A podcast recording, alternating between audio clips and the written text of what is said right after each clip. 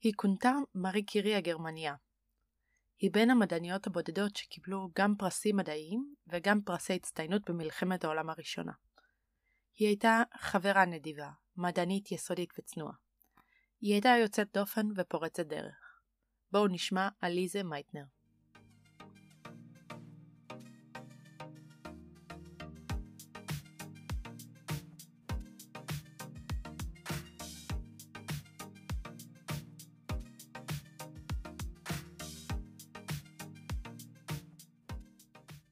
מייטנר נולדה בשנת 1878 בווינה, למשפחה יהודית. אביה היה שחמטאי, והוא הקפיד להעניק לבנותיו חינוך ברמה שווה לזו שזכו לבניו. אחיותיה של ליזה, לימים, זכו כל אחת לתואר דוקטור במקצועות שונים. ליזה למדה בבית הספר עד גיל 14. כבר בתור ילדה היא התעניינה במדעים, ואף שמרה מחברת בה תיעדה את מחקריה מתחת לכרית. כבר אז המחקרים שלה התמקדו בפיזיקה.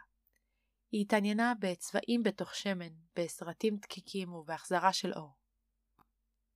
בשנת 1892, בה סיימה את לימודיה בבית הספר התיכון, נשים עוד לא הורשו ללמוד במוסדות השכלה גבוהה באוסטריה.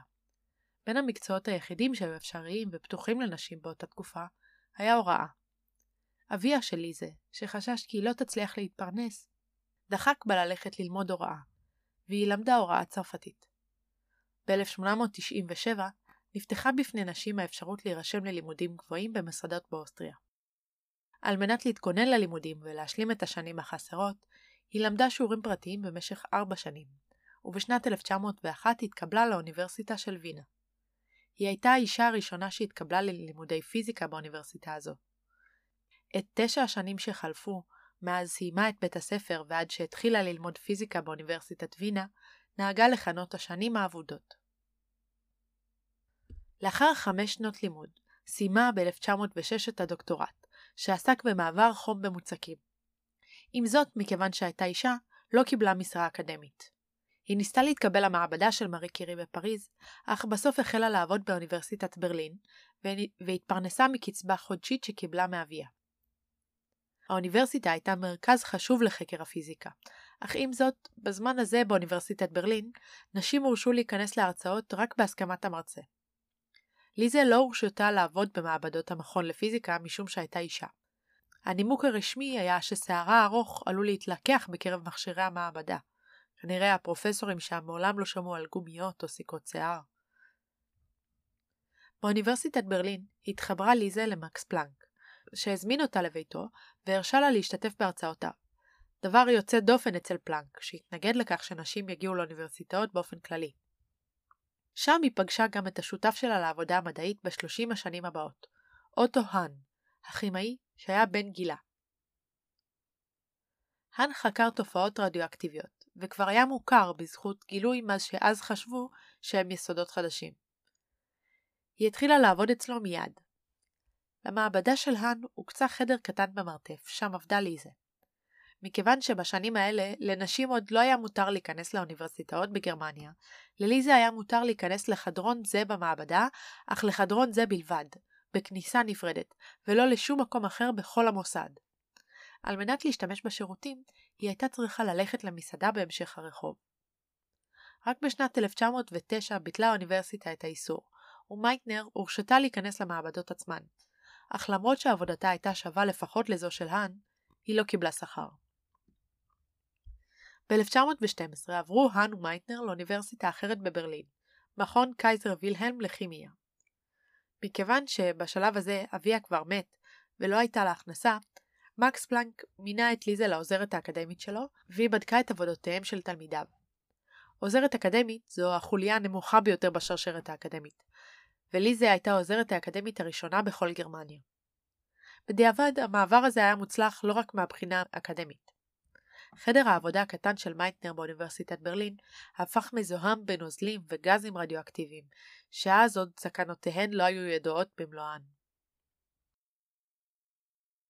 ב-1914, רגע לפני פרוץ מלחמת העולם הראשונה, גויס האן לשירות מילואים פעיל. מייטנר התנדבה לקורס מפעילות רנטגן, שכלל גם קורס אנטומיה, ובמהלך מלחמת העולם שירתה כטכנאית אחות רנטגן. היחידה שלה הוצבה בחזית המזרחית בפולין. במהלך המלחמה היא עבדה לעיתים תכופות גם 20 שעות ביממה, והזוועות שנחשפה אליהן בתקופה הזו גרמו לה להתנגד באופן מוחלט למלחמות. תזכרו את ההתנגדות הזאת, שכן היא חשובה ואירונית במיוחד. על פועלה בתקופת המלחמה, היא קיבלה את עיטור פור למריט, בעבור ההצטיינות בצרפתית. זהו העיטור הצבאי הגבוה ביותר בגרמניה עד סוף מלחמת העולם השנייה. רגע לפני שנמשיך, אני רוצה לדבר קצת על אטומים, גרעינים ורדיואקטיביות. אטומים הם היחידות היסודיות מהן עשוי כל דבר שאנחנו רואים מסביבנו. בצורה פשטנית, האטומים בנויים מגרעין, שעשוי מחלקיקים חיוביים בשם פרוטונים, וחלקיקים ללא מטען חשמלי בשם נטרונים. כאשר מסביבם קיימים חלקיקים קטנטנים בעלי מטען שלילי, הנקראים אלקטרונים. מספר הפרוטונים בגרעין האטום קובע במידה רבה את תכונות החומר המורכב מהאטומים האלו. המספר הזה נקרא מספר אטומי. ככל שהמספר האטומי גדול יותר, סביר שנמצא יותר ויותר נטרונים בגרעין האטום. עם זאת, לא לכל האטומים יש אותו מספר נטרונים בגרעין. אטומים בעלי אותו מספר אטומי, כלומר אותו מספר פרוטונים, אך בעלי מספר שונה של נטרונים בגרעין, נקראים איזוטופים של אותו יסוד. רדיואקטיביות היא התהליך הספונטני או המאולץ בו מגרעין לא יציב נפלטת קרינה. זו יכולה להיות קרינת אלפא, שהיא בעצם אטומים קטנים המורכבים משני פרוטונים ושני נטרונים. זו יכולה להיות קרינת בטא, שהיא אלקטרונים או פוזיטרונים, שהם קטנים כמו אלקטרונים אך בעלי מטען חשמלי חיובי. וזו יכולה להיות קרינת גמא, שהיא קרינה אלקטרומגנטית. אלו יכולים להיות נטרונים, ואפילו אטומים קטנים המורכבים ממספרים כלשהם של פרוטונים ונטרונים. בתהליך הזה הגרעין מאבד אנרגיה והופך ליציב. זה הזמן לעצור ולהעיר שאת כל הדברים האלו אנחנו יודעים היום, אך לא כולם היו ידועים בזמנם של האן ומייטנר. לדוגמה, הנטרון התגלה רק כ-20 שנה אחרי הזמן עליו אנחנו מדברים כרגע. חקר הגרעין והפעילות הרדיואקטיבית רק החל, וזו התקופה בה אנחנו ממשיכים את סיפורנו. בשנת 1917, עוד לפני סיום המלחמה, חזרה מייטנר למעבדה לאחר שחרורה מהצבא. רוב חברי המעבדה עוד לא חזרו מהמלחמה, והיא המשיכה את הניסויים בהם החלה לפני המלחמה לבדה. עוד לפני המלחמה, האן ומייטנר קיוו למצוא את איזוטופ האם של האקטיניום, מספר אטומי 89. כלומר, היסוד שכאשר הוא מתפרק בהתפרקות רדיואקטיבית, הוא יוצר אקטיניום. במהלך השנים 1917 עד 1918 עבדה מייטנר לבדה על הניסוי הזה שכלל שלבים רבים וכן כלל נסיעות לווינה על מנת להשיג פיצ'בלנדה, שזו סגסוגת אורניום, ממקורות שונים. בשנת 1918 אכן הצליחה מייטנר לבודד את יסוד פרוטואקטיניום או פרוטקטיניום ולהוכיח כי הוא יסוד האם של האקטיניום. בהתפרקות רדיואקטיבית של פרוטואקטיניום, מספר אטומי 91, נפלט חלקיק אלפא בעל מספר אטומי 2, ואנחנו נשארים עם האקטיניום, מספר אטומי 89. בשנת 1918, מייטנר פרסמה את הגילוי הזה, וניתן לה הכבוד לבחור את השם ליסוד. בטבלה המחזורית, שהיא הטבלה המאגדת את כל היסודות הידועים לאדם, קיימים כיום רק 118 יסודות, ואז היו ידועים עוד פחות, ככה שלתת שם לאחד מהיסודות האלה זה big deal. למרות שהאן כמעט ולא היה מעורב בניסוי הזה, ליזה אפשרה לו להיות חתום ראשון על המאמר. בניגוד לגן, במדע זה כן משנה מי מופיע ראשון, שכן בדרך כלל נהוג לתת לו את מרבית הקרדיט על העבודה. לא ברור מה גרם למייטנר לאפשר להאן לקבל את הקרדיט על העבודה הזאת. ייתכן שחשבה שמכיוון שהיא אישה ויהודייה, ייקחו את הפרסום ברצינות רבה יותר אם הוא יהיה רשום על שם מדען גרמני שכבר היה ידוע בזכות כמה מאמרים קודמים. לאחר המלחמה קיבלה מייטנר משרת פרופסור ומשרת הוראה באוניברסיטת ברלין. היא המשיכה לעבוד עם האן גם במכון קייזר וילהלם. הקבוצה שלהם הייתה חלק מחוד החנית של קבוצות מחקר שהובילו את חקר הגרעין והרדיואקטיביות בעולם. מייטנר המשיכה את מחקרה בתחומי הרדיואקטיביות גם בשנות ה-20 וה-30 של המאה ה-20. זו הייתה התקופה המדעית הפורה ביותר של מייטנר, והיא כונתה מדאם קירי הגרמניה, על שם מארי קירי, גם היא חוקרת תופעות רדיואקטיביות, שעליה נדבר בהרחבה בפרקים בעתיד. בשנת 1932 התגלה קיומו של חלקיק ניטרלי, הניוטרון, שלא היה ידוע עד אז, והיה קשה לאתרו בגלל חוסר המטען החשמלי שלו, שגורם לו שלא להגיב עם שדות חשמליים או מגנטיים. כעת ניתן היה להפציץ גרעיני אטומים בחלקיק החדש בעל המטען הניטרלי, ללא הצורך להשקיע אנרגיה בכדי להתגבר על הדחייה החשמלית שקיימת כאשר מפציצים גרעיני אטומים בגרעינים אחרים. זה גרם לאנריקו פרמי, מחשובי הפיזיקאים במאה ה-20, לנסות להפגיז גרעיני אטומים בנטרונים, על מנת לקבל יסודות כבדים יותר מאורניום. עד אותו הזמן האלכימיה, כביכול, הפיכת יסודות ליסודות אחרים, הייתה אפשרית רק במרווחים של 1 או 2 בטבלה המחזורית, כלומר שינוי של מספר האטומי רק ב-1 או 2. זה עמד להשתנות עם פועלם של מייטנר והאן. ליזה קיבלה בילדותה חינוך לותרני, נוצרי, והמירה את דתה לנצרות בשנת 1906. יחד עם זאת, זה לא מנע מהנאצים לרדוף אותה. בינואר 1933 עלה היטלר, ראש המפלגה הנאצית, לשלטון בגרמניה. עם עלייתו, הודחו היהודים מכל המשרות הציבוריות. בהתחלה מייטנר הוחרגה מהחוק הזה מכמה סיבות. השירות הצבאי שלה והעיטור שקיבלה עליו, היותה אזרחית אוסטרית ולא גרמנית, ועבודתה במכון קייזר וילהלם, שהיה מכון משותף לממשלה הגרמנית והתעשייה. היא אמנם פוטרה ממשרתה כפרופסור, אך משכורתה לא נפגעה, והיא המשיכה לחקור במעבדתה במכון. אחיינה האהוב, אוטו פריש, גם הוא מדען גרעין, לא זכה לאותו מזל, והוא פוטר מעבודתו באוניברסיטת המבורג.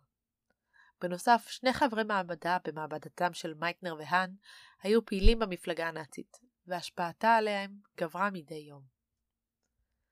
מייטנר והאן עבדו בתקופה זו יחד עם מדען נוסף בשם שטרסמן, על תופעות רדיואקטיביות, בפרט טרנסמוטציה, השתנות יסודות, כתוצאה מפליטת קרינה רדיואקטיבית. אך בשלב מסוים, המציאות גברה על המדע. בשנת 1938 התרחש האנשלוס, סיפוח אוסטריה על גרמניה. מאותו רגע, מייטנר, אזרחית אוסטרית, כבר לא הייתה מוגנת בגרמניה. זה היה ב-12 למרץ 1938. מכאן, כמו שאנחנו יודעים היום, מתחיל עבור מייטנר מרוץ נגד הזמן. ב-9 במאי, 58 ימים לאחר האנשלוס, מחליטה מייטנר להיענות להצעה של ידיד מקופנהגן ולבוא לעבוד אצלו. היא הגיעה לשגרירות הדנית, אך נאמר לה שהאזרחות שלה כבר לא תקפה לצורך קבלת ויזה. ב-27 ביוני, 46 ימים לאחר מכן, היא קיבלה הצעה מידיד אחר לבוא ולעבוד בסטוקהולם. רק שבוע לאחר מכן, היא גילתה שהממשלה הגרמנית הפסיקה להנפיק אישורים ליציאה מהמדינה לצרכים אקדמיים. עוד שבוע לאחר מכן, ב-11 ביולי, הגיע קוסטר, ידיד של מייטנר לברלין. בשלב הזה הוא כבר תיאם עם הרשויות בהולנד, שאז עוד הייתה עצמאית, שמייטנר תוכל לעבור את הגבול ולהיקלט במדינה. באותו יום ליזה נשארה במשרד כרגיל עד השעה שמונה בערב. קוסטר והאן עזרו לה לארוז שתי מזוודות קטנות שהכילו רק בגדי קיץ. באותו ערב היא ישנה בביתו של האן. בבוקר שלאחר מכן, ליזה נפגשה עם קוסטר בתחנת הרכבת כאילו במקרה, ויחד הם נסעו אל הגבול. ב-12 ביולי 1938, כשהיא בת 60, עזבה ליזה מייטנר את גרמניה, כשהיא משאירה מאחור את כל רכושה, חייה ופועלה האקדמי. גם במהלך מלחמת העולם השנייה, כשהיא נמצאת בחוף מבטחים בסטוקהולם, המשיכה מייטנר לחקור את תופעת הרדיואקטיביות, ביחד עם האן. כיוון שהייתה אזרחית מבוקשת נמלטת, אסור היה שיוודע כי הם בקשר, והשניים נאלצו להמשיך להתכתב בסודיות. בשל החשאיות הזו, האן לא יכל להזכיר את ליזה במאמרים שעליהם עבדו ביחד, ופרסם אותם תחת שמו בלבד.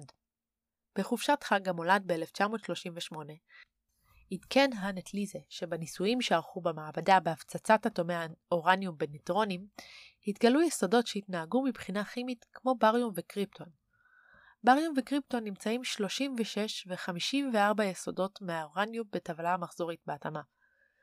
נזכיר שעד אותו רגע רק מעברים של אחד או שני מקומות היו ידועים. האן ושטרסמן בעצמם פקפקו בממצאים שלהם. מייטנר, שאמרה כי האן כימאי טוב מדי בשביל לטעות בזיהוי היסודות, הבינה כי התהליך היחיד שיכול להסביר היווצרות של יסודות כאלה, קלים יותר מהאורניום על ידי הפצצת האורניום בנטרונים, הוא התפצלות של הגרעין האטומי לכמה חלקים. או במילים אחרות, ביקוע גרעיני. לאחר החופשה שלחו מייטנר ואחיינה פריש איתו פיתחה את הרעיון מאמר קצר לעיתון המדעי Nature, בין העיתונים המדעיים החשובים בעולם. הם רצו לחלוק את ממצאיהם במהירות לפני אחרים, אך לא היו מודעים לכך שגם האן הגיע למסקנה דומה, ושלח מאמר בעניין לכתב עת מדעי גרמני.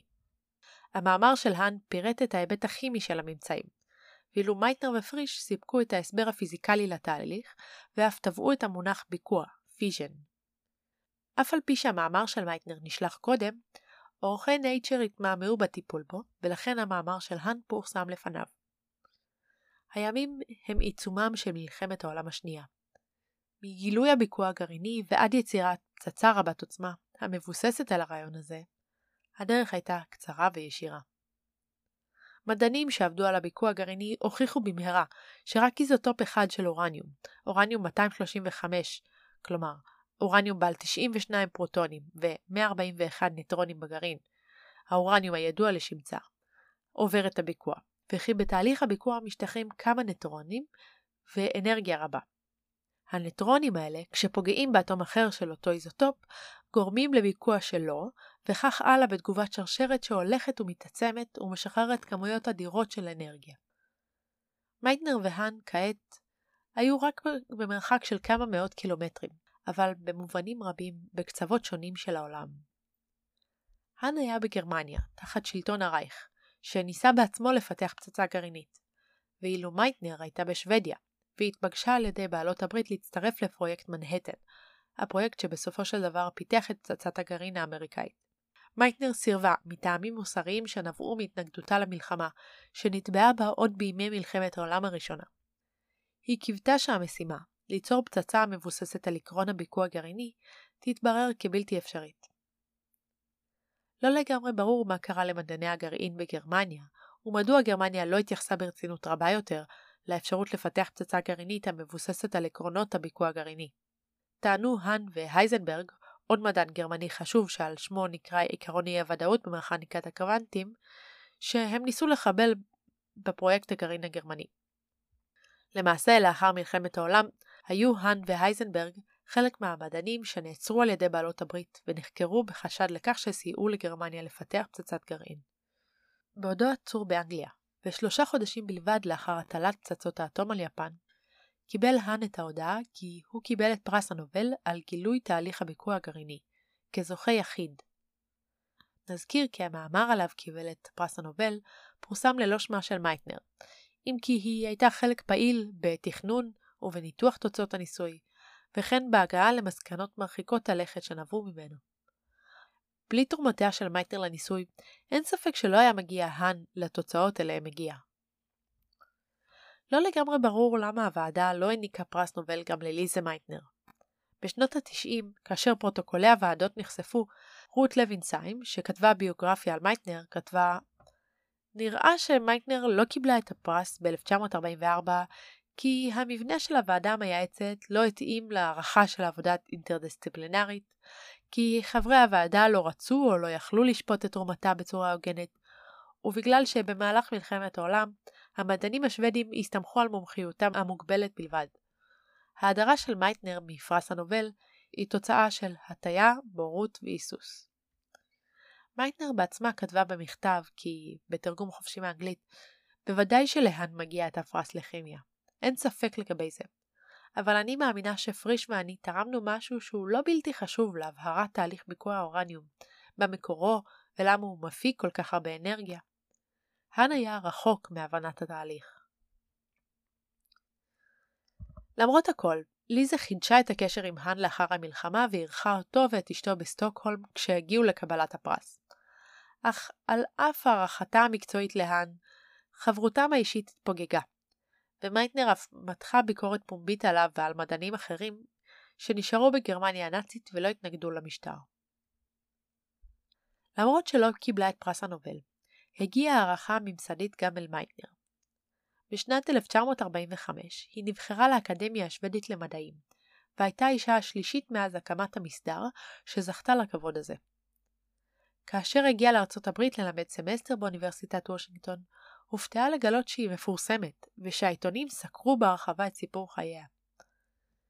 לאחר הביקור בארצות הברית שבה מייטנר לשוודיה, קיבלה אזרחות שוודית והמשיכה בעבודתה המדעית ובהדרכת סטודנטים. ב-1960 עברה לקיימברידג' על מנת להיות קרובה לאוטו פריש. היא המשיכה להרצות ולהיות מעורבת בעולם המדעי, וקיבלה כמה פרסים יוקרתיים, ביניהם פרס אנריקו פרמי, מדליית מקס פלנק, והייתה גם עמיתת האקדמיה האמריקאית לאמנויות ומדעים. היא האריכה ימים ומתה בגיל 89 בשנת 1968. היא מעולם לא נישאה, ולא היו לה ילדים. לאחר מותה, זכתה על הכבוד הגדול שלא זכתה עליו בימי חייה בצעירותה. היסוד 109 נקרא על שמה, מייטנריום. בנוסף קוראים על שמה מכתשים על הירח ועל מאדים, וכן פרסים יוקרתיים מוענקים על שמה. לסיום, ליזה מייטנר הייתה מדענית מדהימה, מסורה וצנועה. עם זאת, במובנים רבים היה לה מזל. היא נולדה למשפחה שיכלה לתמוך בה. בתקופה בה, גם אם טיפ-טיפה מאוחר מדי, היא יכלה לעבוד במחקר מדעי בתחומים שעניינו אותה. היא הצליחה להימלט בזמן, ממש בדקה ה-90, מגורל אכזר. גם אם לא ניתן לה הנובל, שככל הנראה הגיע לה, בסופו של דבר היא זכתה להכרה רבה, והיא בין המועדניות המוכרות ביותר של המאה ה-20. המחקר של מייטנר הביא הרבה טוב והרבה רוע לעולם, על אף שהיא הייתה פציפיסטית והתנגדה למלחמות. אני מקווה שהמין האנושי ידע להשתמש בגילויים של מייטנר למטרות טובות, לבנייה ולא להרס, לקדמה טכנולוגית ומדעית, ולא למלחמה. תודה רבה לכם על ההקשבה. בפודקאסט פורצות דרך, נשים במדע, אני מדברת על ועם נשים מדעניות, מהנדסות וממציאות, שעשו ועושות דברים יוצאי דופן שמשנים את העולם. אם התעניינתן בפרק הזה, אתן מוזמנות לשמוע את פרק 9 על המדענית ברוריה קופמן, גם היא פיזיקאית שעסקה בתחומים דומים. אם אתן רוצות לשמוע עוד סיפור על פרס נובל שנגנב, אני ממליצה לכם על הפרק על רוזלין פרנקלין. אשמח מאוד לשמוע מכן. אם יש לכן רעיונות למדעניות ששווה לדבר עליהן או איתן, אשמח אם תיצרו איתי קשר בעמוד הפייסבוק של הפודקאסט או במייל המצורף בתיאור הפרק. אם אהבתן את הפרק, אשמח אם תוכלו לדרג אותי בחמישה כוכבים באפל פודקאסט, לשתף עם חברים ולשקול לתמוך בי בעמוד הפטריון שלי. להתראות בפעם הבאה, ושוב תודה רבה על ההקשבה. יעל